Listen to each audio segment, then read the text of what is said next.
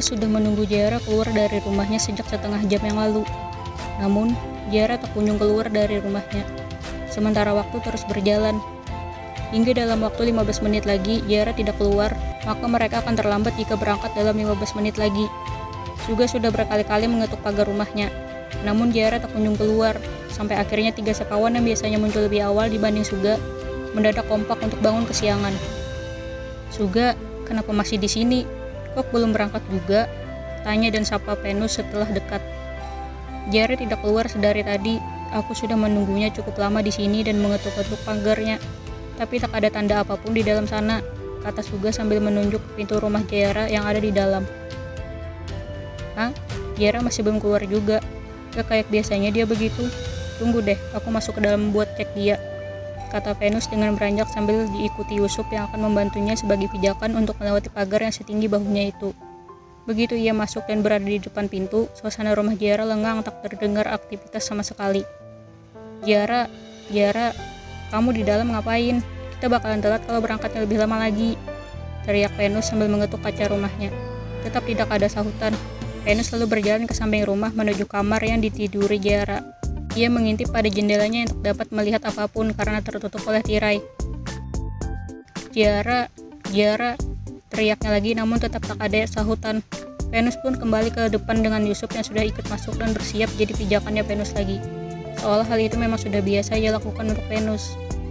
Setelah keduanya keluar, mereka akhirnya memilih untuk berangkat berempat lantaran jam sudah menunjukkan waktu yang sudah cukup siang jika untuk bersantai-santai lagi. Mungkin Jara sudah berangkat duluan kali, kata Raka dengan diisyaratkan oleh Venus agar juga mengerti. Bisa jadi, soalnya dia cukup sering sih pada ninggalin kita buat berangkat duluan. Udah juga, kamu tenang aja. Jara pasti sudah ada di sekolah sekarang, kata Venus dengan menggunakan bahasa isyarat. Suga hanya mengangguk dengan perasaan aneh yang mendadak merasuki rongga dadanya. Entah kenapa ia merasa cemas pada Jara. Ditambah saat ia mengingat ekspresi Jara kemarin, Sepertinya ada sesuatu yang Jara sembunyikan darinya. Mereka tak sempat mengobrol seperti biasanya agar cepat lekas sampai. Dan bertepatan dengan bel yang berdering, mereka akhirnya tiba di gerbang sekolah. Huh, ujar keempatnya dengan membungkukkan badan karena lelah. Napas mereka juga tersengal karena sedari tadi langkahnya terus diajak berjalan dengan setengah berlari. Tuh, bener kan apa aku bilang? Kata Venus saat mereka sudah sampai di depan pintu kelas mendapati Jara yang mendengarkan musik dari earphone sambil menggambar. Oi, tegur Venus begitu ia melepaskan ranselnya yang ada di bangku depan meja Jara. Jara terkejut sampai membuat goresan tak terduga pada gambarannya. Yah, Venus, gambarannya kan jadi rusak. Ujar Jara dengan wajah yang cemberut berusaha mengimprovisasi goresan tersebut menjadi sesuatu. Biarin, habisnya kamu tega banget ninggalin kita berangkat duluan. Tuh, juga lama banget nungguin di depan rumah kamu. Tapi kamunya malah berangkat duluan, kata Venus dengan suara syarat kekesalan. Juga maaf, aku tidak bermaksud tinggalin kamu duluan.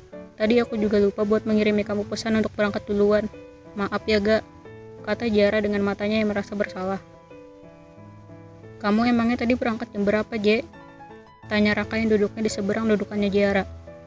Hmm, Jara bingung harus mengatakannya bagaimana. Sebab tadi malam ya sudah dibawa paksa oleh Jovin untuk tinggal dengannya. Tiba-tiba Suga menyentuh tangan Jara.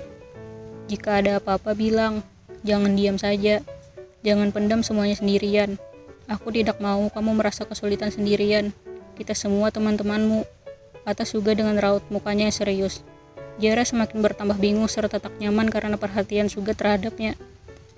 J, kok diam aja? Tegur Venus. Iya, maaf, tadi aku lagi bengong aja sampai nggak nyadar sudah berangkat duluan mau balik lagi nungguin kalian tapi sudah mau hampir sampai. Jadi ya sudah terusin aja gitu, kata Jara pada teman-temannya berikut dengan suga melalui gerakan tangannya. Bengong, emang ada yang kamu pikirin? Tanya Raka dengan wajah herannya. Ini, seru Jara tiba-tiba dengan menunjuk ke gambarannya. Aku mikirin konsep buat gambaranku berikutnya. Soalnya, aku udah gak punya stoknya lagi di rumah kan. Makanya aku sampai gak nyadar. Ucap Jara akhirnya menemukan alasan yang cukup masuk akal. Meski Suga tak tahu apa yang dikatakannya, dilihat dari bagaimana Jara menunjuk-nunjuk gambarannya, kurang lebih dia jadi tahu apa yang menjadi alasan Jara. Javin masuk ke kelas dengan diiringi tatapan Jara yang penuh kebencian terhadapnya. Javin tidak mempedulikan hal itu. Sebagai guru pengganti di kelas itu, ia pun mulai mengajari murid-muridnya dengan gampang lantaran ketampanannya yang langsung dapat diterima oleh murid-muridnya, terutama anak perempuan. Suga memperhatikan hal itu. Ia jadi penasaran pada apa yang sudah dilakukan Javin pada Jara sampai membuatnya terlihat mengeluarkan aura kemurkaan begitu. Suga lantas mengusap lengan kiri Jara yang ada di atas meja.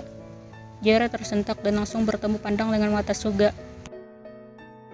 Aku tidak tahu emosi apa yang sedang kamu rasakan saat ini. Yang pasti, tetaplah tenang dan jangan mudah terbakar seperti sekarang. Aku tidak mau kamu sampai melakukan hal di luar kesadaranmu. Kata Suga yang langsung membuat Yara sadar dengan apa yang sedari tadi ia lakukan. Ia kesal pada orang itu sejak tadi malam, bahkan rasa kesalnya menjadi bertambah berkali-kali lipat saat dibawa paksa ke rumahnya. Selain itu, ia juga tidak dibolehkan lagi pulang ke rumahnya dengan alasan apa pun. Pokoknya dia harus ikut pulang dengan Jovin. Jara juga masih bingung dengan apa yang sebenarnya Javin inginkan darinya. Apakah ini yang dikatakan Javin untuk merasakan apa yang sudah ia rasakan selama ini? Tapi kenapa? Apa yang membuat Jara harus mendapatkan perlakuan seperti itu? Jara mengembuskan napasnya dengan kasar, kemudian beranjak untuk pergi ke toilet tanpa bicara apa pun pada Javin. Javin pura-pura tak melihat itu dan yang lain pun tak begitu memikirkannya. Tak lama kemudian, Suga turut melakukan hal serupa. Venus yang melihat itu hanya menaikkan satu alisnya dengan heran.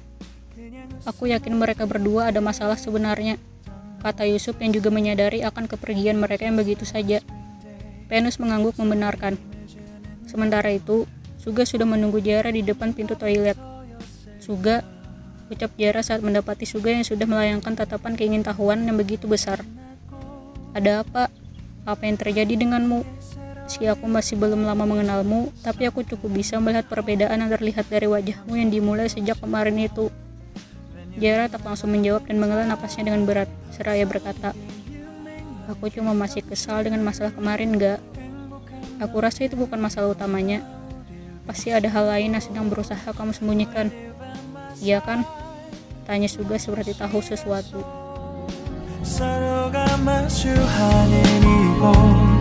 I can see you through a little far away